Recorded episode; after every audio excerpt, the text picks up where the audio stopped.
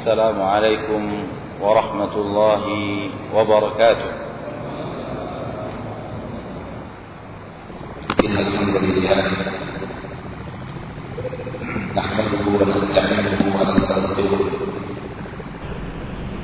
ونعوذ بالله من شرور أنفسنا ومن سيئات أعمالنا.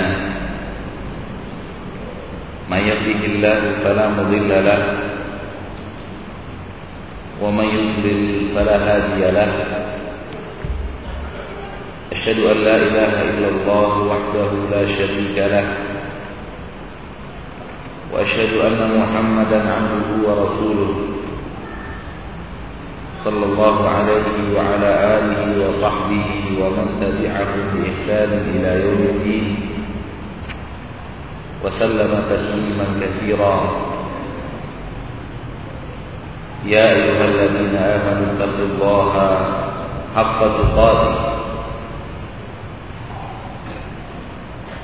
ولا تموتن إلا وأنتم مسلمون. يا أيها الناس اتقوا ربكم الذي خلقكم من نفس واحدة وخلق منها زوجها وبث منهما رجالا كثيرا ونساء واتقوا الله الذي تساءلون به والأرحام. إن الله كان عليكم رقيبا. يا أيها الذين آمنوا اتقوا الله وقولوا قولا سديدا. يصلح لكم أعمالكم ويغفر لكم ذنوبكم. ومن يطع الله ورسوله فقد فاز فوزا عظيما أما بعد. Ikhwani wa akhwati fi din. Rahimani wa rahimakumullah. Merupakan sebuah kebahagiaan di dalam setiap jiwa muslim dan muslimah. Apabila Allah tabaraka wa taala masih memberinya kesempatan untuk hidup di dalam ketaatan.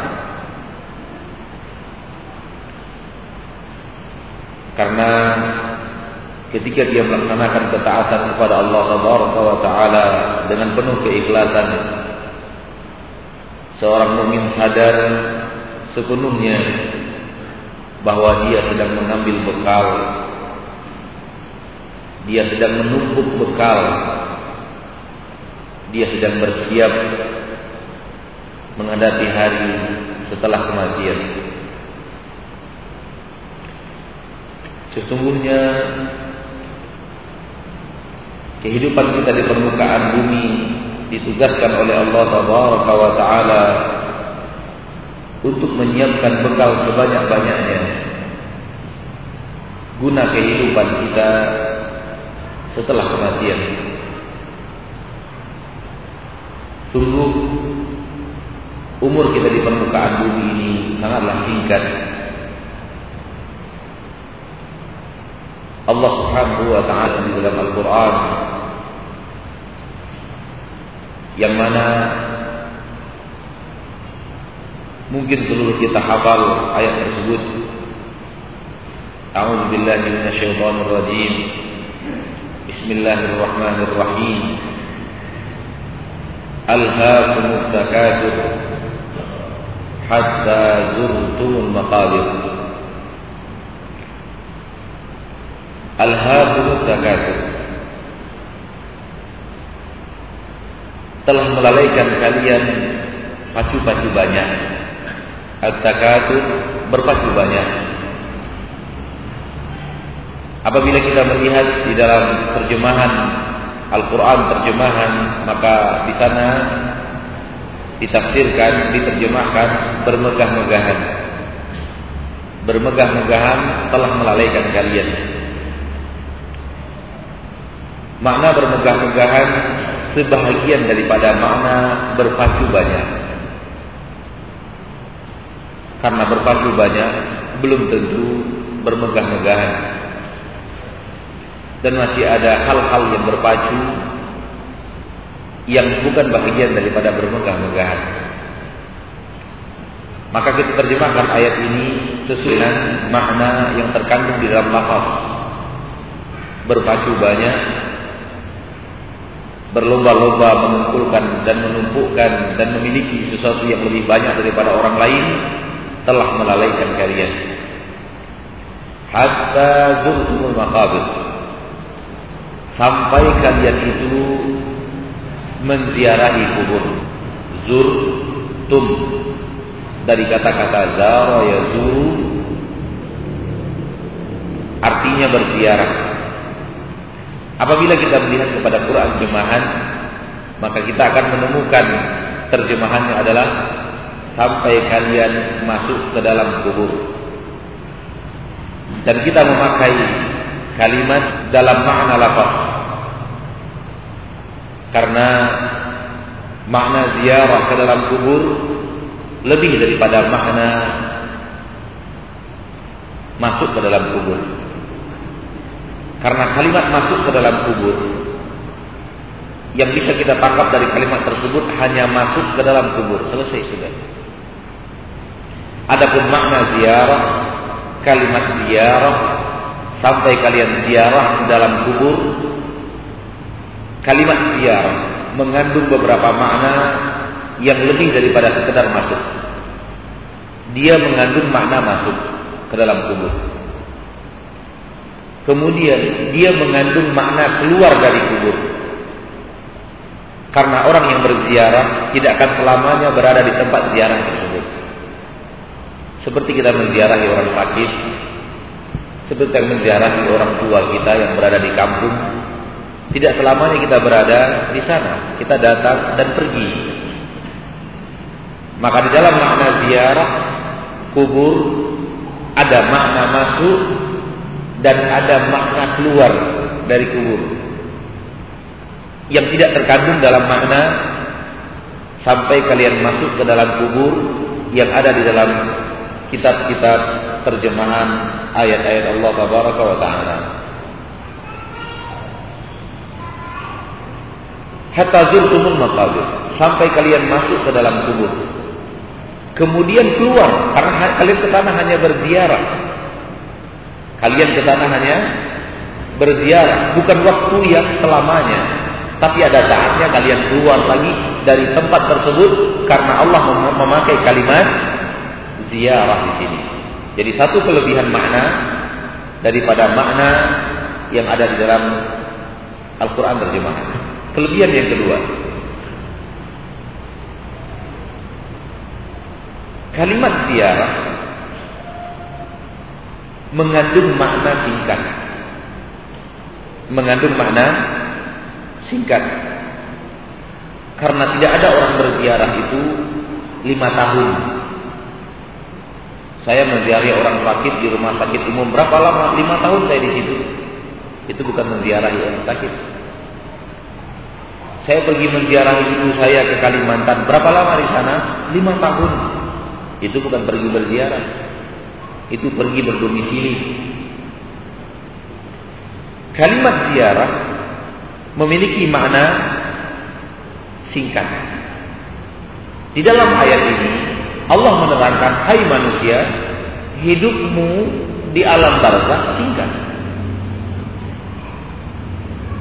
Karena kalian ke alam barzakh hanya untuk berziarah Singkat dibanding apa? Singkat dibanding hari akhirat. Sekali lagi, singkat dibanding hari akhirat.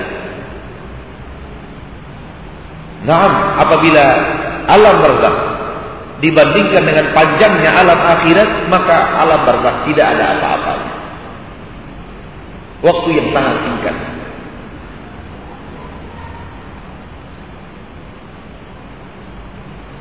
Ini menunjukkan tambahan makna bahwa alam barzakh singkat, enggak panjang. Dan menunjukkan tambahan makna bahwa alam akhirat jauh lebih panjang daripada alam barzakh.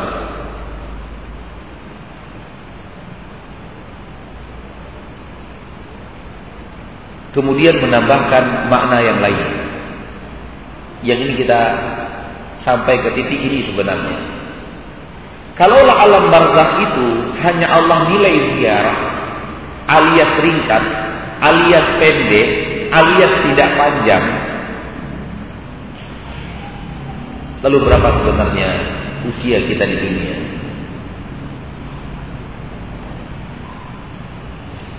Nabi Muhammad Shallallahu Alaihi Wasallam telah masuk ke dalam alam barzakh semenjak 14 abad yang lalu. Betul? Lebih daripada 14 abad yang lalu. 14 abad 20 tahun. 14 abad 20 tahun sudah Nabi Muhammad sallallahu alaihi wasallam di dalam alam barzakh dan kita tidak tahu berapa tahun lagi ke depan sampai datangnya hari kiamat. Kalau itu Allah nilai ziarah waktu yang singkat, Ya Allah, berapa tingkat sebenarnya umur kita di permukaan bumi?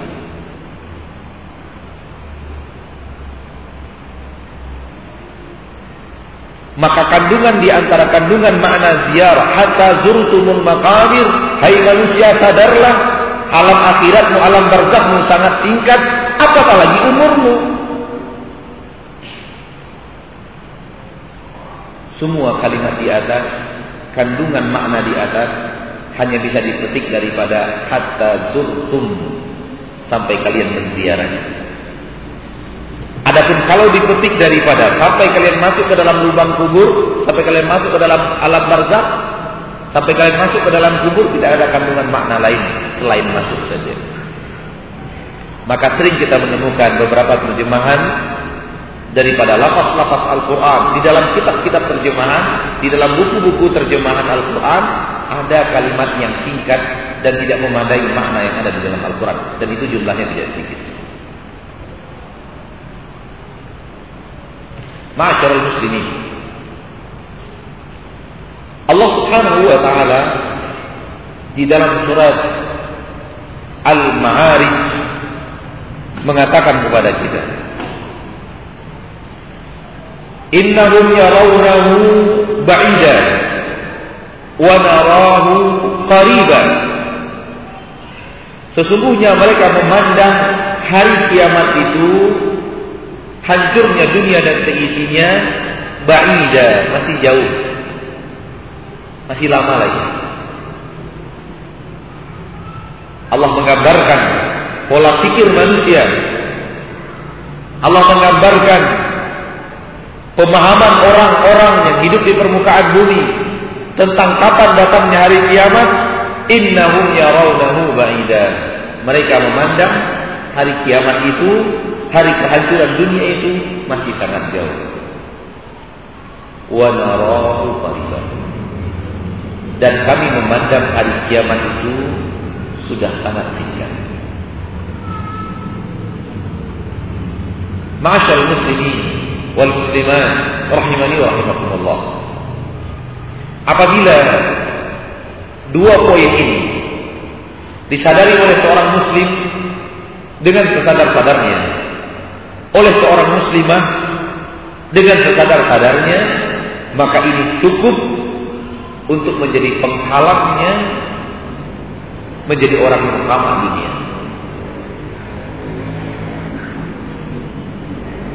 Pertama, umur di dunia tidak tidak seberapa. Umur di dunia sangat ringkas. Umur di dunia sangat pendek. Kita merasa umur kita panjang, itu perasaan kita. Sebagaimana nyamuk juga merasa umurnya cukup panjang. Sebagaimana kupu-kupu pun mengira umurnya sangat panjang. Allah memberikan perasaan itu sesuai dengan kadar manusianya. Sesuai dengan kadar makhluknya. Kupu-kupu yang hanya hidup seminggu, ada yang hidup 14 hari, merasa waktu seminggu itu, waktu 14 hari itu sudah sangat teramat panjang. Nyamuk yang hanya hidup tiga atau empat hari sudah merasa hidupnya begitu panjang. Demikian juga dengan manusia yang hidup 50 tahun, 60 tahun merasa dirinya sudah hidup sangat lama sekali. Hanya perasaan. Dan seandainya perasaan kita digandeng dengan perasaan umat terdahulu, maka umat terdahulu akan mengatakan alangkah kasihannya kalian, begitu singkat umur kalian. Karena umat terdahulu bisa hidup sampai seribu tahun.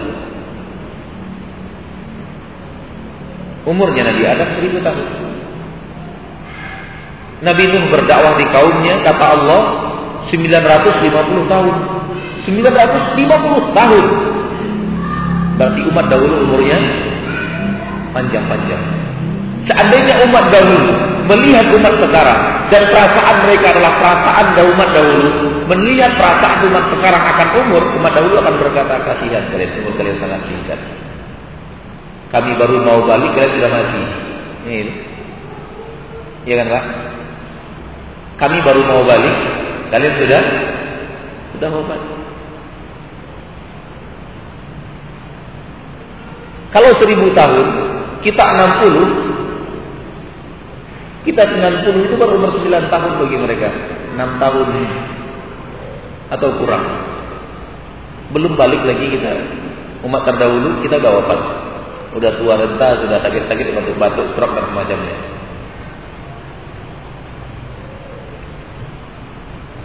Oleh karena itu hilangkan perasaan bahwa umur kita masih panjang.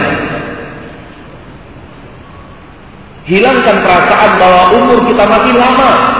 Masih ada kesempatan untuk bertobat nanti. Hilangkan semua ini. Tanamkan bahwa umur saya di permukaan bumi sangat singkat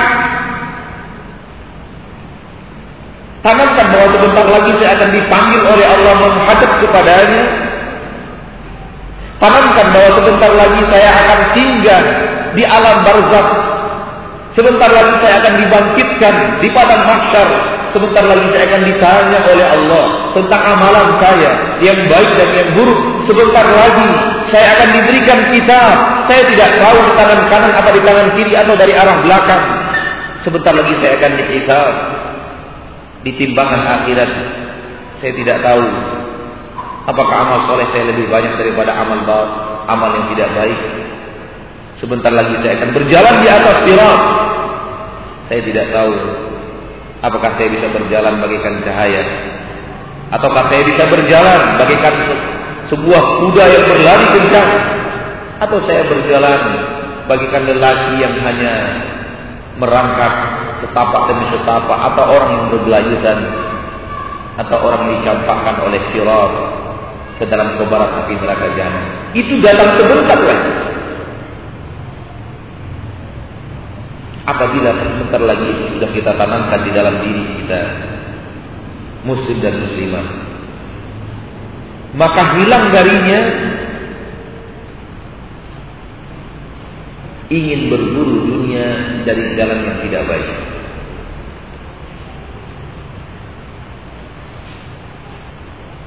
Dan di sini hati-hati. Syaitan terkadang datang kepada seorang manusia dan mengatakan, umurnya sangat umurmu sangat singkat, sudahlah berhentilah bekerja. Umurmu sudah sangat singkat, beribadah sajalah. Tinggalkan anak istrimu, tinggalkan pekerjaan. Kalau itu yang datang, ketahuilah masyarakat muslimin dan muslimat datangnya dari syaitan rahmatullah.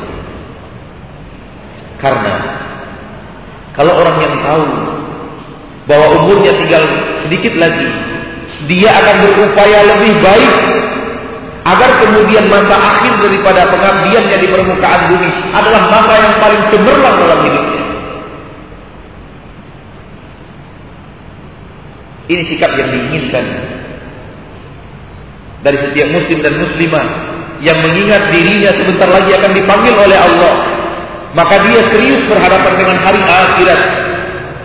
Maka dia amanah dalam menjalankan tindakan permukaan bumi dengan segala kewajiban yang harus dia kerjakan.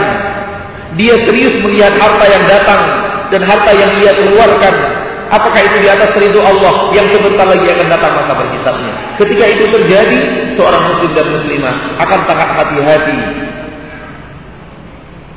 baik dalam urusan dini, agama, atau urusan dunia sekaligus.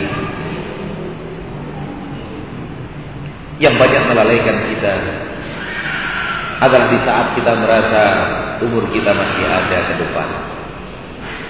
Padahal siapa yang bisa menjamin besok pagi matahari terbit kita masih bisa menikmati cahaya matahari? Tak seorang pun di antara kita, tak seorang pun di antara manusia yang bisa menjamin masih bisa menghirup udara besok pagi. Karena tak seorang pun di antara kita yang tahu kapan Allah akan datang memanggil kita. Maaf, kapan malaikat maut akan datang memanggil kita menghadap Allah Rabbul Izzati wal Jalal. Kalau kemudian kita sadar tidak ada jaminan untuk bisa hidup besok. Siapa yang bisa menjamin kita hidup 30 tahun lagi? Sehingga kita bisa mengundur masa taubat kita ke 30 tahun yang akan datang. Masyarakat muslimin. Orang-orang yang di hatinya telah dihantui atau telah dirasuki oleh kecintaan dunia, hal yang paling sering ia lakukan adalah ta'jil taubat. Ta'jil taubat. Memperlama masa bertaubat. Memperlama masa bertaubat. Nantilah. Nantilah. Nantilah. Padahal wasiat dari para ulama wasiat dari para ahli ilmu wasiat dari nabi bahkan sebelumnya kita perlu harus memperkirakan umur kita itu singkat berkata Rasulullah sallallahu alaihi wasallam Salli salat muwajjih Salatlah engkau hai Bani Adam, hai manusia. Seolah-olah setelah salat ini engkau pergi. Pergi menghadap Allah. Salatlah. Ketika engkau salat ini, engkau merasa setelah ini engkau tidak akan pernah salat selama-lamanya. Engkau akan pergi meninggalkan ini. Lihat bagaimana Rasul kita tercinta. Salawat Rabbi wa salamu alaihi menanamkan kepada kita sifat seorang muslim selalu merasa nyawanya ada di depan. Sebentar lagi malaikat akan datang. Sebentar lagi saya akan berhadap dengan sakratul maut. Sebentar lagi saya akan masuk alam barzah dan seterusnya seperti yang kita utarakan di awal. Sehingga hilang rakus dunia. Hilang tamak harta, hilang hal-hal yang bisa menghancurkan kita ketika itu telah merasuki di dalam jiwa. Ibnu Umar Abdullah bin Umar radhiyallahu anhu berpesan, "Idza asbahta fala tantazir al-masya." Apabila engkau memasuki waktu pagi, jangan tunggu waktu sore. Lakukan sekarang. Taubat ini. Tinggalkan kejahatan sekarang. Istighfar sekarang. Jangan tunggu waktu itu. Wa idza amsayta fala tantazir sabah. Apabila kamu berada di waktu sore, jangan tunggu waktu pagi. Kerjakan sekarang. Karena tidak ada jaminan ketika kita berada di pagi hari kita akan bisa sampai di sore hari. Sebagaimana tidak ada jaminan Orang yang berada di sore hari akan sampai di pagi hari. Oleh karena itu, kenapa sering manusia kita lihat wafat di atas kebatilan, wafat di atas maksiat, wafat di atas hal yang dimurkai oleh Allah karena mereka selalu menunda-nunda taubat, merasa dirinya masih akan hidup 10 tahun yang akan datang.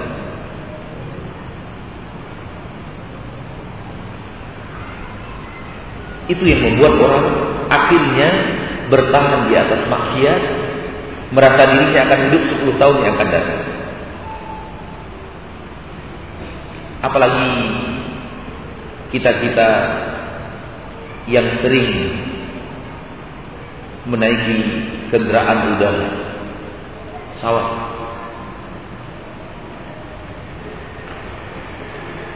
Tidak ada jaminan ketika pesawat sudah naik di udara, kita akan sampai ke tempat tujuan. Betapa banyak realita, fakta, berita yang kita dengar bahwa orang yang terbang tinggal landas akhirnya adalah kematian. Tidak sampai kepada negeri yang mereka inginkan. Ini yang pertama. Seorang muslim harus senantiasa merasa bahwa umurnya tinggal sedikit lagi. Sehingga timbul di dalam dirinya keinginan dan semangat untuk beribadah memanfaatkan waktu yang tinggal sedikit. Orang akan berpacu kalau dia tahu waktu tinggal sedikit. Sebagaimana berpacunya para pemain bola memasukkan bola di ujung-ujung menit. Sebagaimana berpacunya para pembalap sepeda memacu sepedanya di ujung-ujung garis sini. Sebagaimana berpacunya para pembalap rally memacu kendaraannya di detik-detik terakhir pertandingan maka dunia adalah arena berpacu seorang muslim dengan muslim lainnya.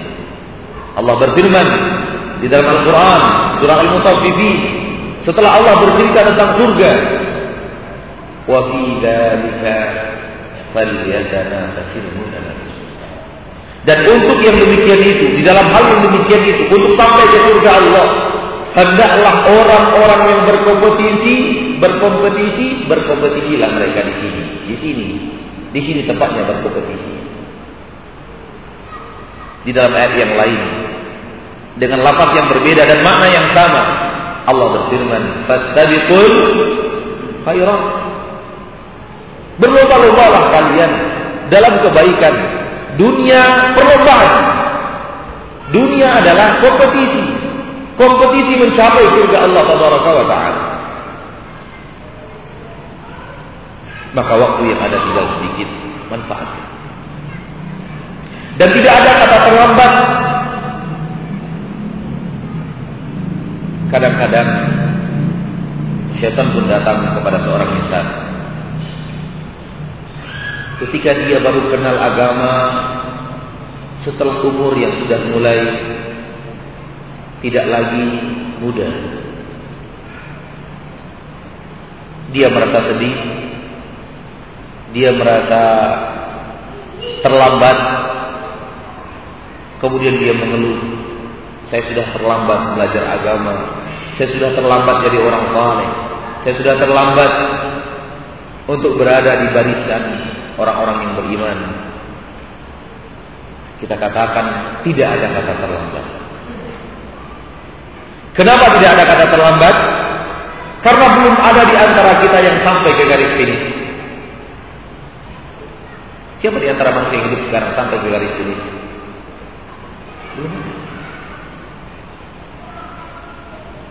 Boleh jadi yang, yang boleh jadi yang terakhir masuk perlombaan dia yang pertama kali sampai ke garis finish.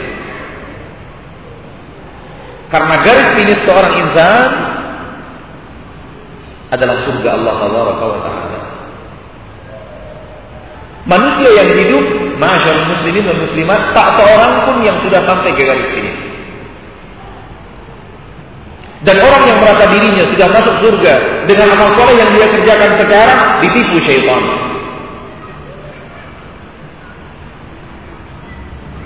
Orang yang merasa amal solehnya sekarang ini sudah cukup untuk bekal akhirat korban daripada korban-korban iblis.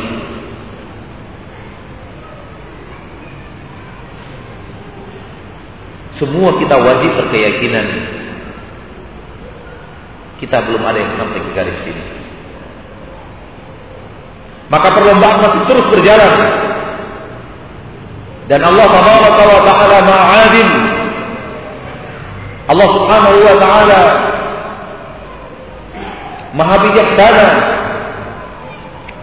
Oleh karena itu, tidak boleh seorang muslim dan muslimah merasa dirinya terlambat. Berkata para ulama dalam nasihat-nasihat berharga mereka, La taqul qad zahabat arbabuhu qul man sara 'ala darbi wa Jangan pernah kamu mengira pemuka-pemukanya sudah pergi, sudah berangkat, kita ketinggalan. Jangan jangan pernah merasa orang-orang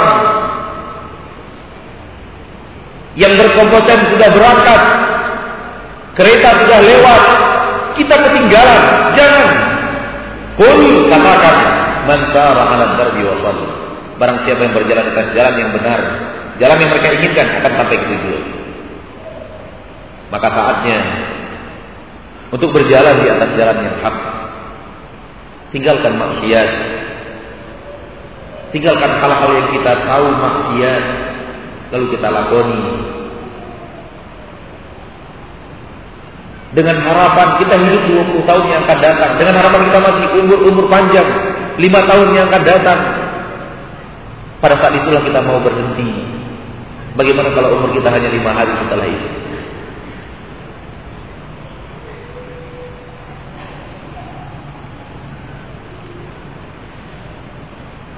para ulama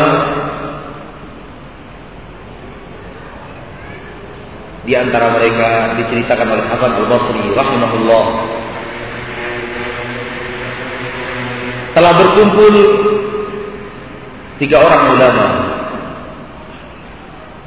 ketika mereka berbincang-bincang yang pertama mengatakan setiap saya memiliki setiap saya sampai di suatu bulan saya merasa umur saya hanya sampai bulan itu. Yang kedua berkata, setiap saya masuk suatu minggu, maka saya merasa minggu itulah akhir daripada kehidupan. Yang lain berkata bahwa bagaimana saya akan merasa umur saya masih ada sementara nyawa saya bukan di tangan saya. Ini diterangkan oleh Imam Hasan Al Basri bahwa pernah berkumpul tiga ulama mereka berkata seperti ini seperti ini menunjukkan bahwa para ulama merasa umur mereka di dunia tidak lama. Di akhirat kita akan ditanya oleh Allah Taala. Penduduk mahsyar akan ditanya oleh Allah Taala. Allah terangkan dalam surat Al-Mu'minun Qala kam labithum fil ardi adada sinin. Allah bertanya, berapa tahun kalian tinggal di dunia? Pertanyaannya berapa tahun kalian tinggal di dunia? Qalu penduduk masyarakat menjawab, labithna yauman au ba'da yaumin fas'alil 'an. Kami hanya tinggal di dunia satu hari atau sebahagian hari. Maksud sebagian hari nggak cukup satu hari, nggak sampai satu hari. Lihat bapak dan ibu kaum muslimin dan muslimat. Allah bertanya berapa tahun kalian tinggal? Jawabannya satu hari. Kenapa kita menjawab satu hari? Kenapa penduduk masyarakat menjawab satu hari? Karena dia sudah melihat hari yang sebenarnya. Dia sudah tidak lagi hanya di dalam perasaan umur panjang. Dia sudah bertemu dengan hari yang sesungguhnya. Wa inna yawman 'inda rabbika ka'alfi sanatin mimma ta'uddu. Sebenarnya satu hari di sisi bagaikan hitungan seribu tahun dalam hitungan kalian. Ketika dia sudah bertemu dengan hari yang sebenarnya, dia merasa hidupnya di dunia hanya satu hari. Atau tidak cukup? Maka hendaklah kita Ingat umur kita yang satu hari ini atau tidak cukup satu hari ini janganlah sampai mengantarkan kita ke alam kebinasaan yang berkepanjangan. Janganlah sampai umur yang satu hari ini mengantarkan kita ke ke murka Allah Taala dan azab yang teramat pedih. Bersabarlah kita dalam umur yang sedikit. Bersabarlah kita dalam satu hari, setengah hari, seperempat hari ini untuk kebahagiaan kita selama-lamanya di surga Allah Taala wa taala Rabbul Izzati wal Jalal. Sesungguhnya kepedihan menahan diri daripada maksiat, daripada godaan syahwat lebih mudah bagi kita daripada harus menanggung pedihnya azab Allah tabaraka wa taala di dalam api neraka. Pahit memang ketika syahwat datang menggoda kita harus tepiskan. Pahit memang ketika musibah datang kita harus bersabar. Tetapi pahitnya itu tidak akan sepahit kita harus bersabar di dalam kobaran api neraka jahanam.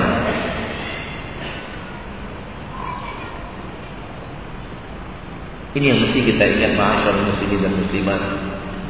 Karena zaman kita sekarang sudah banyak saudara-saudari kita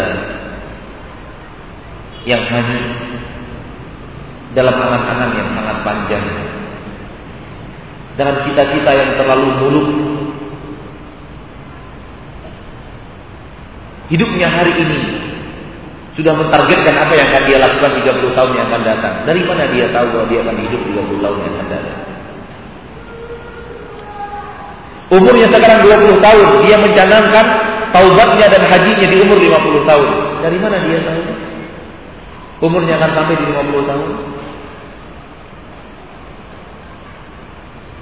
Itulah yang telah menghanyutkan banyak orang. Dan kita berharap bahwa kita tidak masuk ke dalam kelompok orang-orang yang hanyut merasa umurnya masih teramat panjang sehingga akhirnya merasa maksiat baginya adalah lemah, remeh karena Allah Maha Pengampun, Allah Maha Penerima Taubat. Dan itu adalah godaan syaitan. Dan ini jebakan iblis kembali kita katakan. Karena Allah Maha Pengampun pasangannya bukan untuk orang pelaku dosa. Pasangannya bukan untuk orang-orang yang berbahagia. Tertawa di atas maksiat, bukan. Orang yang tertawa di atas maksiat, bahagia di atas kekhilafan, senang di atas pelanggaran, pasangannya Allah azabnya sangat pedih. Itu pasangan yang cocok. Adapun Allah Maha Pengampun, Allah Maha Penerima Taubat, pasangannya manusia yang mau beramal, manusia yang mau beramal saleh, beriman beramal saleh dan bertaubat. Ini pasangannya. Oleh karena itu Allah berfirman di dalam Al-Qur'an surat Taha, "Wa inni la Sesungguhnya aku benar-benar Rob yang Maha Pengampun, yang mau mengampunkan dosa, yang bisa memaafkan segala kesalahan. Untuk siapa? Liman sahabat, untuk orang yang bertaubat. Wa amana dan beriman. Wa amila salihah dan beramal saleh. Ini pasangannya. Allah Maha Pengampun betul untuk orang-orang yang bertaubat, beriman dan beramal saleh. Allah Maha Pengampun. Ada untuk orang yang tertawa di atas maksiat, bahagia di atas kesalahan dan kesilapan untuk mereka innallaha syadidul iqab. Allah itu sangat pedih hadapnya. Sebagaimana salah memasangkan orang yang hanyut dalam maksiat, Allah Maha Pengampun. Seperti itu juga salahnya orang yang rajin bertaubat, innallaha syadidul iqab. Salah, yakni salah dan.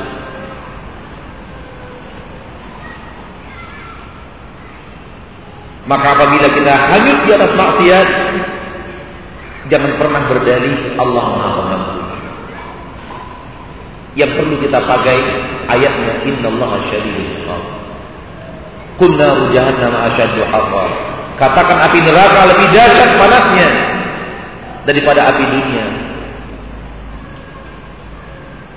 Katakan Wa anna azabi huwa al-azabul alim. Azabku kata Allah adalah azab yang teramat pedih.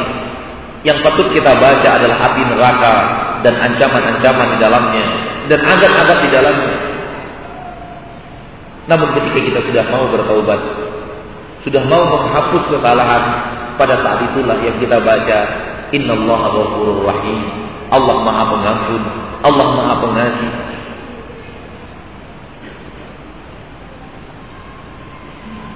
Akan tetapi syaitan datang dengan membalikkan keadaan orang yang berbuat maksiat, mereka yang dikipas oleh syaitan dengan ayat-ayat Allah Maha Pengampun, Allah Maha Penerima Taubat.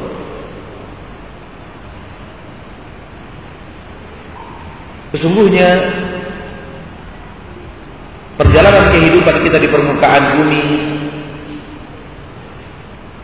kita akan saksikan di padang mahsyar kelak semuanya tempat tertutup. Begitu kita singgah di alam barzakh, begitu kita singgah di alam akhirat, maka seluruh yang pernah kita katakan, seluruh yang pernah kita lihat, seluruh yang pernah kita ucapkan, kita ingat di memori kita. Allah berfirman dalam masalah ini di dalam surat Al-Infitar di dalam surat At-Takwir alimat nafsun ma akhbarat alimat nafsun ma qaddamat wa akharat pada hari itu jiwa seluruh jiwa akan ingat apa yang pernah dia kerjakan subhanallah kalau kita disuruh mengingat seluruh perkataan kita kemarin saja, kita tidak akan bisa ingat lagi. Seluruh perkataan A sampai Z yang kita katakan kemarin. Bahkan jangankan kemarin, seluruh perkataan yang kita katakan satu jam yang lalu, kita tidak akan bisa mengingatnya sekarang di dunia. Namun kita di dunia berbeda dengan kita di akhirat. Ketika kita masuk ke dalam alam akhirat, Allah ingatkan kepada kita seluruh yang pernah kita ucapkan. Setiap kata yang pernah keluar kita ingat. Setiap mata yang pernah melihat apa pun kita ingat. Setiap yang pernah kita dengar dengan telinga kita ingat. Setiap yang pernah kita cicipi, kita makan, kita ingat. Setiap yang pernah kita hidup, hidup dengan hidung kita kita ingat. Setiap yang pernah kita ambil, kita tarik, kita berikan dengan tangan kita. Allah ingat seluruh ke mana kaki kita. Allah akan ingatkan kita dan kita akan mengingatnya. Dan seluruh kaki kita ke mana kita melangkah, kita ingat semua.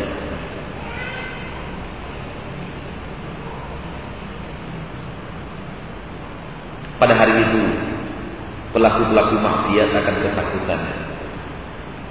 Karena dia sadar sesadar-sadarnya bahwa apa yang dia kerjakan di permukaan bumi apa yang dia kerjakan di permukaan bumi banyak yang menyalahi aturan syariat banyak yang tidak diinginkan oleh Allah Taala apatah lagi ketika melihat catatannya dibagikan wa al kitab ketika kitab telah dibentangkan untuk setiap insan.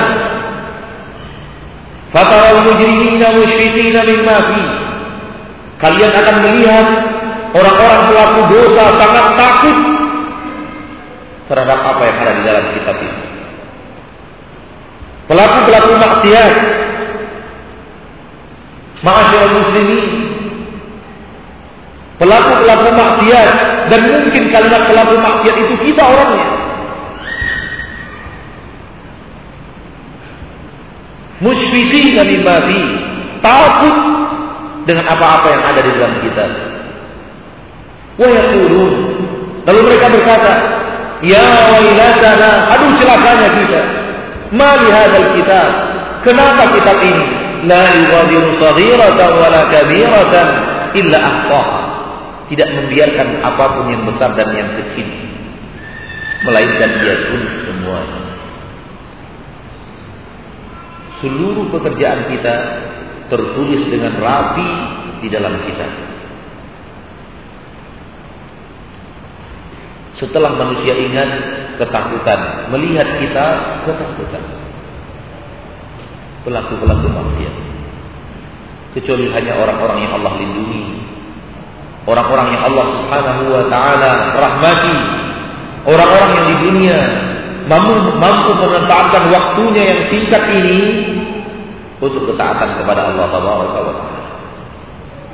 Terakhir, ketaatan kepada Allah Tabaraka wa Ta'ala ma'asyar muslimin dan muslimat tidaklah semuanya ada di masjid tidaklah semuanya ada di dalam membaca Al-Quran tidaklah semuanya ada di majlis ta'lim. Di setiap gerak langkah kita di situ kita bisa beribadah kepada Allah. Di setiap gerak mata kita di situ kita bisa beribadah kepada Allah. Di setiap untayan kata kita di situ kita bisa beribadah kepada Allah. Di setiap gerakan tangan dan kaki kita, di situ kita bisa beribadah kepada Allah. Fisiknya manusia yang mengira bahwa ibadah hanya ada di dalam masjid dan seluruh aktivitas yang ada di dalam masjid. Oleh karena itu, saya sangat tidak setuju dengan manusia yang dididik untuk mengatakan masjid rumah ibadah. Saya termasuk di antara orang yang tidak setuju menamakan masjid dengan rumah ibadah. Kenapa? Karena kalau tertanam di dalam memori seorang insan bahwa rumah ibadahnya di masjid, ketika dia sudah keluar di masjid tidak ada lagi ibadah. Karena ibadah sudah ada di rumahnya saja. Padahal rumah ibadah setiap insan di seluruh kehidupan.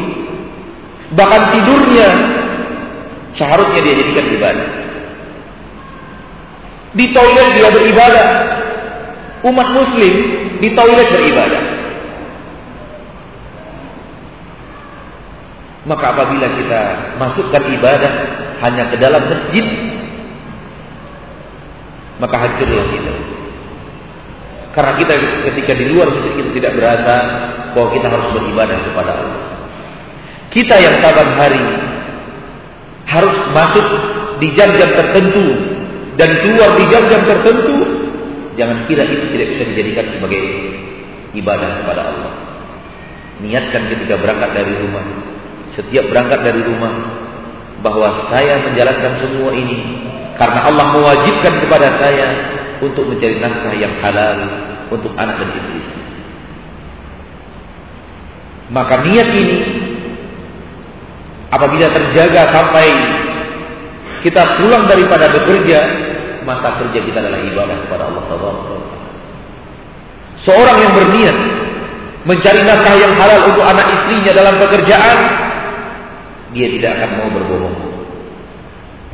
Dia tidak akan mau menekan menandatangani dua dua kuitansi dengan angka yang berbeda untuk satu pembelian barang. Dia tidak akan mau ikut teman-temannya yang berlomba-lomba memakan harta negara dan seterusnya dan seterusnya.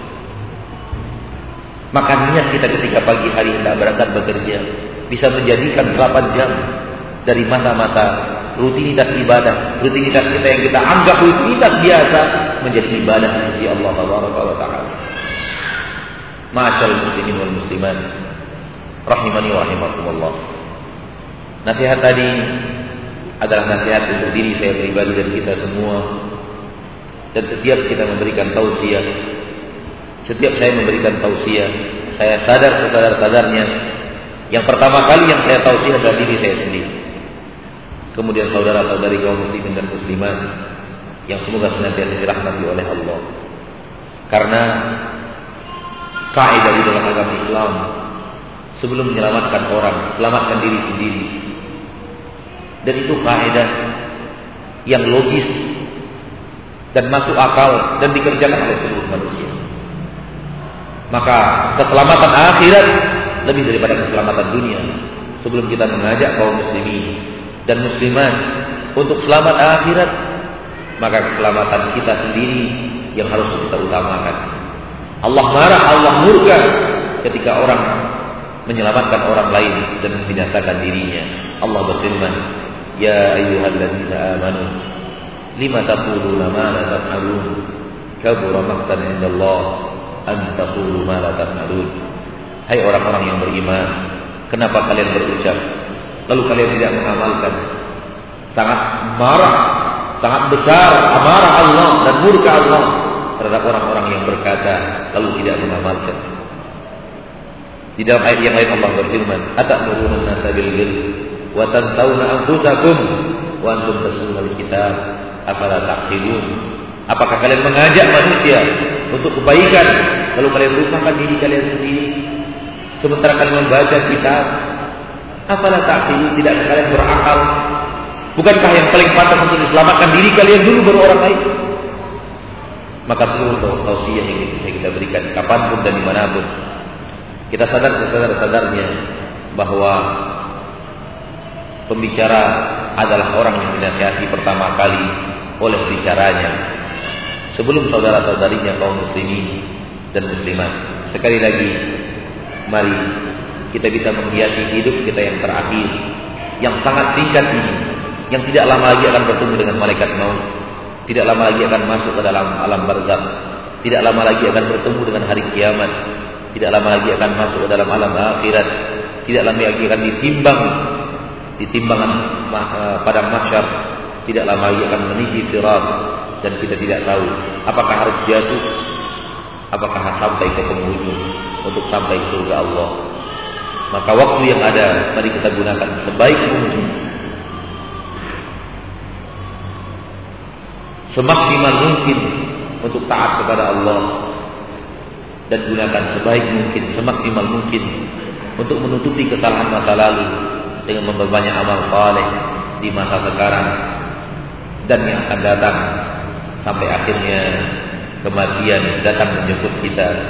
Wassallallahu wasallam wa baraka wa an'am ala abdihi wa rasulihi Muhammad walhamdulillahi rabbil alamin.